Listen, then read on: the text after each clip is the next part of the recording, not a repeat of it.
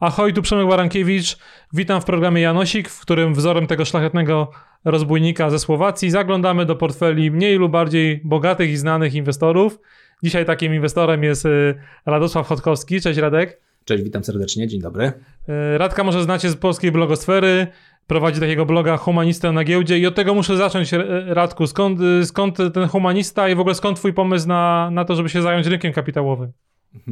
E, no, pomysł na bloga wziął się, wziął się w czasach studiów, jeszcze jak studiowałem politologię, więc ja jestem z wykształcenia raczej humanistą, e, bliżej mi do tej strony. Nigdy szczególnie nie lubiłem liczyć, co nie znaczy, że dzisiaj nie zmieniam zdania, natomiast no wtedy, wtedy traktowałem siebie jako humanistę i z jednej strony była to taka forma mm, dania sobie bezpiecznika, że gdybym popełnił jakiś błąd, gdybym napisał coś głupiego, to zawsze mówię, sorry, jestem tylko humanistą, nie kończyłem uczelni ekonomicznej. E, no a z drugiej strony właśnie, żeby pokazać, że giełdą też inwestycje inwestują, interesują się nie tylko, mm, nie tylko właśnie osoby o stricte kierunkowym e, wykształceniu, więc takie trochę przecieranie szlaku. E, no i tak ten humanista się, e, się przez lata do mnie przykleił. No A ta, więc... ta przygoda się za, za, zaczęła na studiach, czy trochę wcześniej z, z rynkiem? Na studiach, na studiach, tak. Jak sobie przypominam, na studiach ja zacząłem inwestować, znaczy Pierwszą przygodę z inwestowaniem miałem w 2007 roku. E, można powiedzieć, że jestem dzieckiem dwóch HOS, ponieważ zacząłem w 2007, wtedy się pojawiły pierwsze, e, pierwsza praca, pierwsze dochody, pierwsze pieniądze, które można było lokować. No pewnie e, pamiętasz te czas, czasy, rok 2007, wszędzie reklamy TFI, historyczne stopy zwrotu w telewizji, wszyscy zapakowani w misie. Kto nie inwestował, przegrał życie. Więc ja też pierwsze swoje pieniądze wsadziłem w fundusz inwestycyjny akcyjny, który stracił 2% i szybko zlikwidowałem te, te jednostki, w związku z czym to był akurat lipiec chyba 2007, czyli szczyt, e, szczyt Hossy, więc to była moja pierwsza próba. Mm, później rynek e, obserwowałem e, z pozycji wirtualnych, E, no i tak przez 2008, 2000, początek 2009 roku przewegetowałem wirtualnie, coś tam próbując robić. Mm, I nagle na początku roku 2009, tam dołek na WIG-u wypadł bodajże w lutym czy w marcu i tak jeszcze początek tego 2009 nie wszystko mi inwestycyjnie wychodziło, no i nagle od tego lutego, od marca w zasadzie wszystkie systemy inwestycyjne, które dawały sygnał kupna, dawały dobre wyniki finansowe. No i doszedłem do wniosku, że jednak to jest moment, kiedy umiem inwestować, więc bodajże w kwietniu czy w maju 2009 mm, założyłem swój pierwszy rachunek maklerski, więc jestem dzieckiem hossy. E, oczywiście w pierwszym roku straciłem pieniądze, tak? Giełda, giełda zyskała bardzo mocno, ja straciłem, no ale na to byłem gotowy, więc od tych 13 lat już na rynku jestem. Dla niektórych krótko, dla niektórych długo, no ale, ale no, jakoś tam póki co pływam po powierzchni. Sporo i w, i w sumie zaczą, zacząłeś tak, tak, jak się nieraz mówi, że fajnie od takich strat zacząć, bo wtedy to, to ustawia dużo bardziej rozum i mniej, mniej emocji i uczy nas tego, jacy sami jesteśmy na rynku kapitałowym, jakimi jesteśmy inwestorami. Chyba nawet ostatni rok, nie? Te ostatnie dwa lata pokazały, że weszło na rynek dużo, dużo nowych inwestorów. Zaczęli od tego, że się im wydawało, że rynki mogą tylko, tylko rosnąć, no i teraz bolesny, bolesny hmm. cios od kilku miesięcy i, i muszą sobie wszystko przewartościować i na nowo, na nowo na siebie spojrzeć. Mhm, dokładnie, no tutaj kto przetrwa tą próbę, tak, tą, tą, tą, trudną próbę, której doświadczamy i może jeszcze będziemy w przyszłym roku doświadczali, no to pewnie na rynku zostanie. Miejmy świadomość, że oczywiście część z tych osób e, odejdzie, no ale to każda hossa ma swoje ofiary, każda bessa pochłania, pochłania dzieci hossy, więc e, to jest jak najbardziej zrozumiałe. Ale jak już inwestujesz e, te kilkanaście lat, no to pochwal się, bo to jest też takie drugie pytanie w moim kwestionariuszu. Z czego będziesz miał emeryturę? No ja nie mam złudzeń, nie mam złudzeń. Za mną stoją segregatory mojej jednoosobowej działalności gospodarczej, więc odprowadzam składki e, wiadomo od jakiej podstawy jako ten przedsiębiorca mały, więc nie mam złudzeń, że moja emerytura nie będzie e, obfita, nie będzie duża mm, i spodziewam się, że jednak z inwestycji, że jednak z inwestycji e, w zasadzie od dwóch czy trzech lat mierzę sobie gotówkową dywidendę, która mi kapie e, z mojego portfela akcji i, odnoszę to jakoś tam do kosztów życia, do dochodów, tak? No na szczęście ta relacja się zwiększa, czyli teoretycznie coraz więcej jestem w stanie, coraz dłużej jestem w stanie przeżyć, czy byłbym w stanie przeżyć z oszczędności, z inwestycji. Na szczęście oczywiście nie muszę, e, no ale mam nadzieję, że jeszcze za te 30 lat, które mi zostało do, do emerytury, jeżeli wiek nie zostanie podniesiony, to, mm, to mam nadzieję, że ten portfel troszeczkę jeszcze urośnie i e, no jednak upatruję w tej własnej e, przedsiębiorczości, w tej własnej umiejętności inwestowania. No tam szukam kapitału na emeryturę. Nie mam złudzeń, jeżeli coś tam wpadnie z systemu publicznego, to fajnie, ale no nie liczę na niego szczególnie mocno. Tym bardziej tam znamy te, te, te prognozowane stopy zastąpienia, więc nie jestem tu absolutnie optymistą, jestem raczej realistą. A masz takie coś jak poduszka finansowa? Jeśli tak, to w jakich e, instrumentach? Hmm. Wszyscy mówią, że trzeba ją mieć i ja też... Yy ja też dużo słyszałem i, i, czytałem i oglądałem, że trzeba ją mieć. Powiem szczerze, że ja jej raczej nie mam. To znaczy nie mam odłożonej stricte kwoty na kilka, kilkanaście miesięcy życia, gdybym musiał nagle żyć z bieżących oszczędności, żeby nie wycofywać inwestycji. Ja raczej e, staram się e, akumulować bieżące dochody. Oczywiście wiadomo, że gdzieś tam po tych rachunkach mm, czy maklerskich, czy, czy, czy rachunkach gotówkowych e, jakieś tam kwoty przepływają, wpływają, wypływają, więc jakieś tam saldo tego osadu bieżącego jest.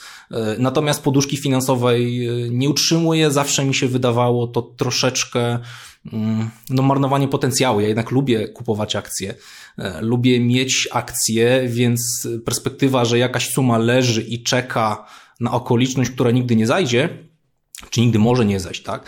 E, to ja nigdy nie byłem w tym dobry, tak? Ja zawsze jak miałem troszeczkę więcej wolnego kapitału, wrzucałem to na giełdę.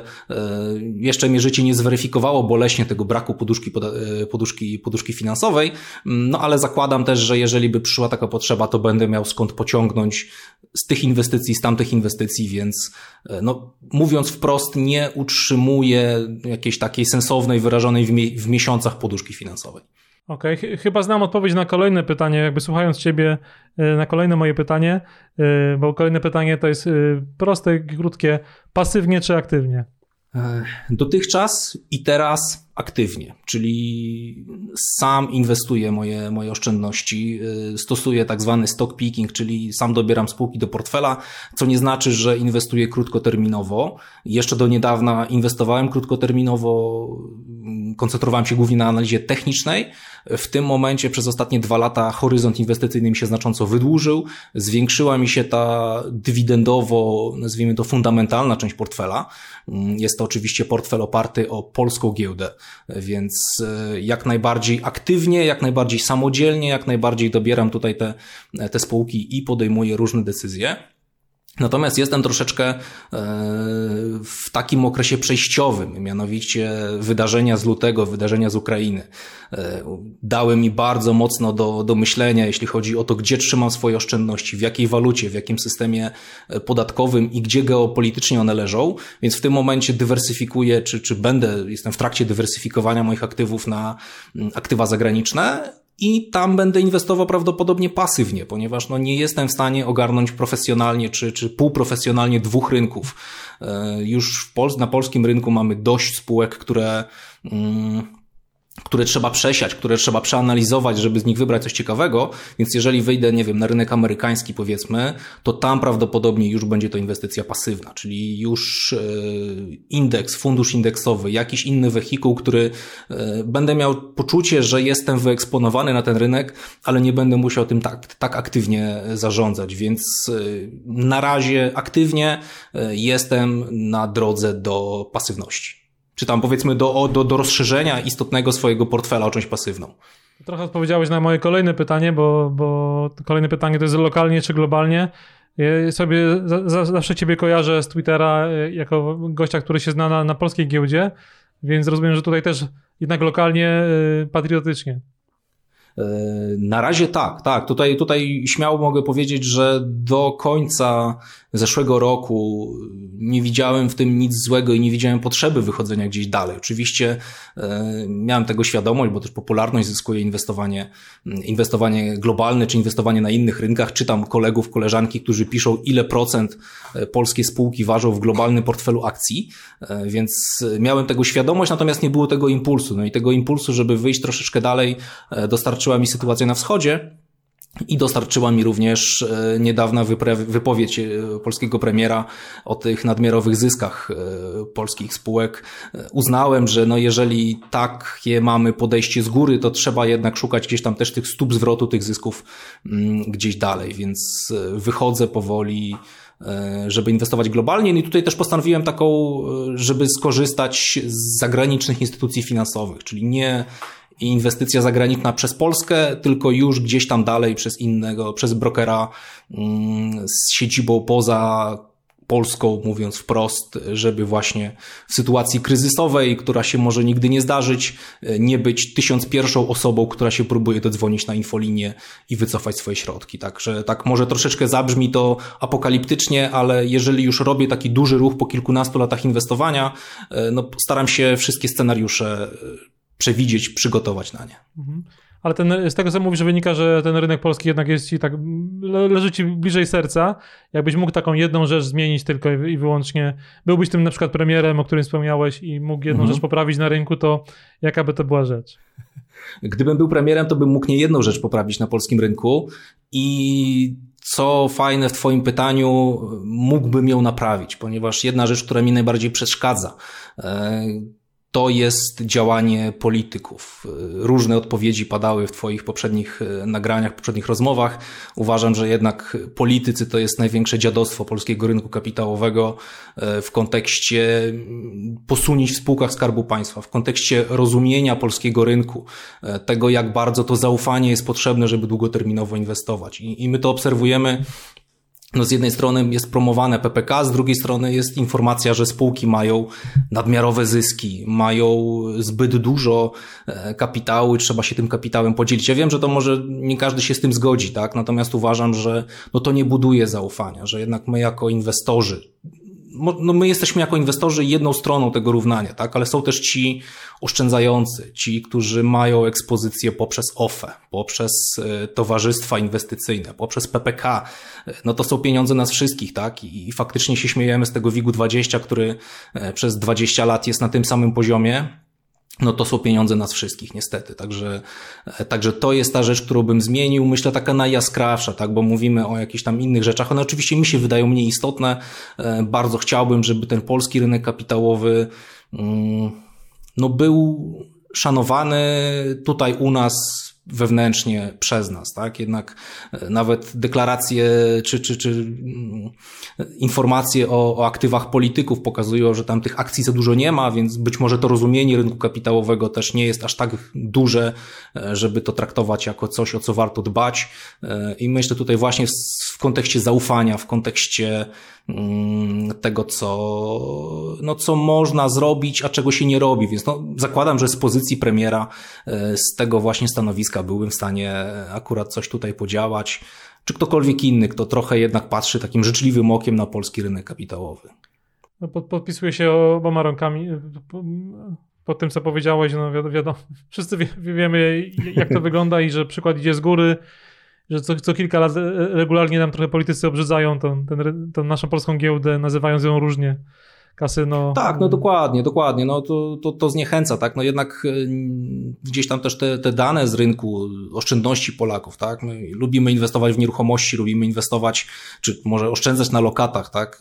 Rynku kapitałowego ludzie się boją, ludzie nie rozumieją, e, a kiedy jest euforia, to zaraz po tym przychodzi jakaś bolesna bessa i kolejne pokolenie nie wraca na rynek, tak? Ci wszyscy, którzy byli na rynku w 2006, 2007 i przejechali 2007 przez cały 2008 później, no prawdopodobnie oni przez kolejne ileś lat nie wrócili na rynek, prawda? Po, takiej, po takim bolesnym doświadczeniu.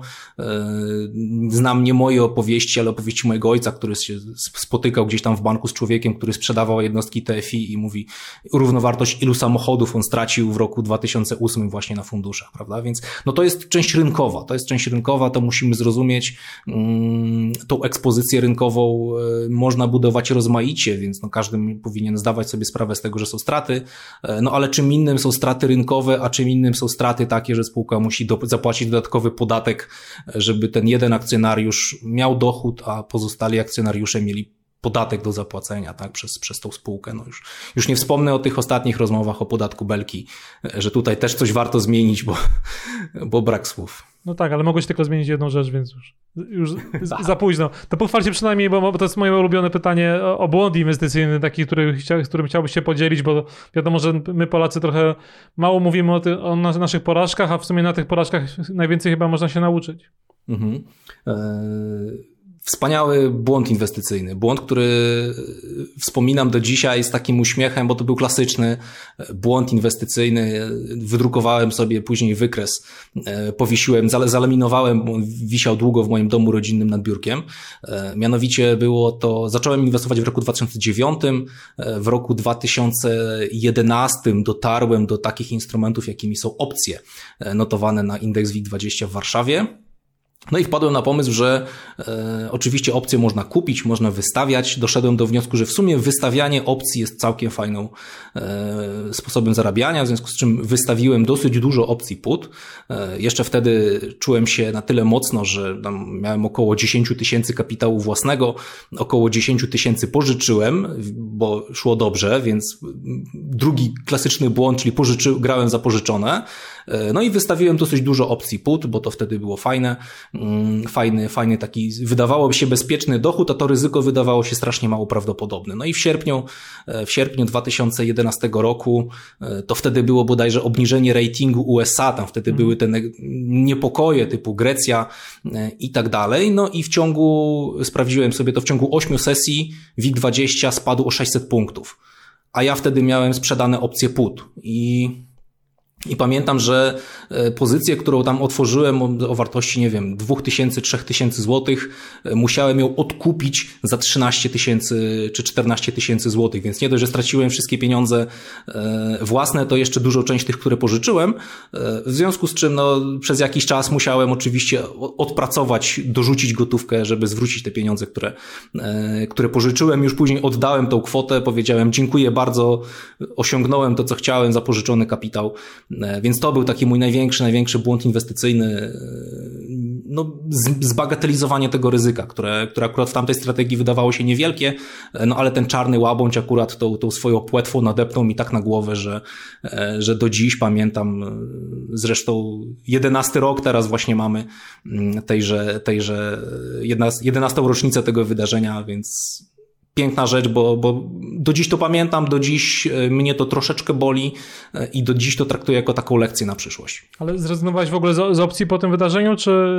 czy, czy, czy nie, nie, co, nie, nie, nie. Co, co, co więcej, e, opcje ogólnie uważam, że są instrumentem niedocenionym, tak? Bo budujemy polską wizję rynku rozwiniętego, a mamy taki instrument, który jest totalnie niegrywalny z racji tego, że w arkuszu jest tylko animator i te spready animatora, no animator je utrzymuje zgodnie z warunkami animacji, e, natomiast e, później oczywiście przez różne inne lata też, też inwestowałem, ale te koszty transakcyjne, spready rynkowe mnie, e, mnie z tego wyleczyły, tak? Więc do dziś mam jedną z, mm, Mam, jestem właścicielem domeny związanej z, z opcjami na akcje, e, którą wykupiłem w roku 2010 czy 2011, bo giełda wtedy zapowiadała, że, że wprowadzi opcje na akcje. Ja od 11, od 10 lat opłacam tą domenę i ciągle czekam, aż giełda wprowadzi opcje na akcje. Więc nie wyleczyłem się z opcji. E, bardzo chciałbym na nich e, aktywnie inwestować, ale no niestety warunki transakcyjne, koszt korekty jednorazowej strategii praktycznie likwiduje cały zysk, więc no Chciałbym, ale, ale nie mamy do tego póki co dobrego rynku. Skoro jesteś humanistą na giełdzie, no to na pewno chętnie odpowiesz na pytanie o książki, od których warto swoją przygodę z inwestowaniem zacząć. Ojejku, zacząć. No z, z, tą, z tą edukacją inwestycyjną problem jest taki, że mm, na początku nie wiemy, co dla nas będzie istotne i wszystko jest dla nas nowe, więc ten początek jest o tyle wspaniały, że tam jest wszystko nowe, wszystko wydaje się rewelacyjne im głębiej idziemy w las, tym się okazuje, że z każdą kolejną książką trudno jest znaleźć coś nowego, coś, co nas e, by ukierunkowało jakoś inaczej niż wszystko, co, do, co dotychczas przeczytaliśmy, prawda? Więc e, no jeżeli chodzi o początki, no to jest klasyka, to są te książki, e, nie wiem, Jacka Schwagera, czy, czy, czy, czy, czy, czy Biblia inwestowania, analiza techniczna rynków finansowych, bo od tego sam zaczynałem. Natomiast dzisiaj, dzisiaj bym też polecił, myślę, coś, co jest nie do końca w naszym stylu inwestowania, tak? Żeby jeżeli inwestujemy technicznie, przeczytać coś fundamentalnego. Jeżeli inwestujemy fundamentalnie, e, przeczytać coś technicznego, coś, co nam troszeczkę otworzy głowę w drugą stronę, żeby nas pchnąć e, do jakiejś refleksji. E, no i myślę, że takim dobrym tytułem jest kontynuacja znanej serii Market Wizards. Mm, akurat mam na myśli tutaj Hedge Fund Market Wizards Jacka Schwagera, czyli książka, która, no, co są to rozmowy z, z zarządzającymi hedge fundami, Natomiast z drugiej strony to nie jest taka giełdowa prehistoria, bo jak czytamy te pierwsze Market Wizards, to są lata 70., 80., te historie zupełnie nie przystają do dzisiejszego rynku, mm, jaki mamy, a te hedge fund Market Wizards, no już troszeczkę, troszeczkę jest to uspółcześnione, są to rozmowy e, z traderami czy, czy, czy z inwestorami, którzy funkcjonują no, w mniej więcej takich warunkach rynkowych, jakie mamy dzisiaj, więc e, tam mamy ten, myślę, przekrój e, pomiędzy inwestorami, którzy inwestują w sposób nam zbliżony, czy, czy inwestorami, którzy inwestują w sposób różny od nas i to jest właśnie fajne, żeby, żeby poznawać tych, którzy zarabiają w sposób różny od nas. Być może otworzymy się na jakąś kolejną sferę, kolejny obszar, który, który będziemy eksploatowali przez kolejny rok czy dwa. Radku, bardzo Ci dziękuję za te szczere, e, bo to najważniejsze, szczerość jest najważniejsza i ciekawe też odpowiedzi. Jeśli Wam się podobało, to, to dajcie kciuka w górę i, i posłuchajcie też innych gości Janosika, bo Radek jest chyba 34 y, w kolejności. Subskrybujcie nas na YouTubie, y, pobierajcie nasze aplikacje podcastowe w różnych domenach podcastowych, a Radka możecie znaleźć na stronie, popraw mnie Radku, jeśli się pomylę, humanistanaGiełdzie.pl HumanistanaGiełdzie.pl to też jest moja domena, natomiast działam póki co pod humanista na giełdzie blogspot.com. Generalnie przez Google można mnie znaleźć bez problemu. Humanista na giełdzie jest tylko jeden. Dokładnie. Bardzo Ci dziękuję jeszcze raz i do zobaczenia na parkiecie. Dzięki serdeczne. Jak najbardziej. Pozdrawiam.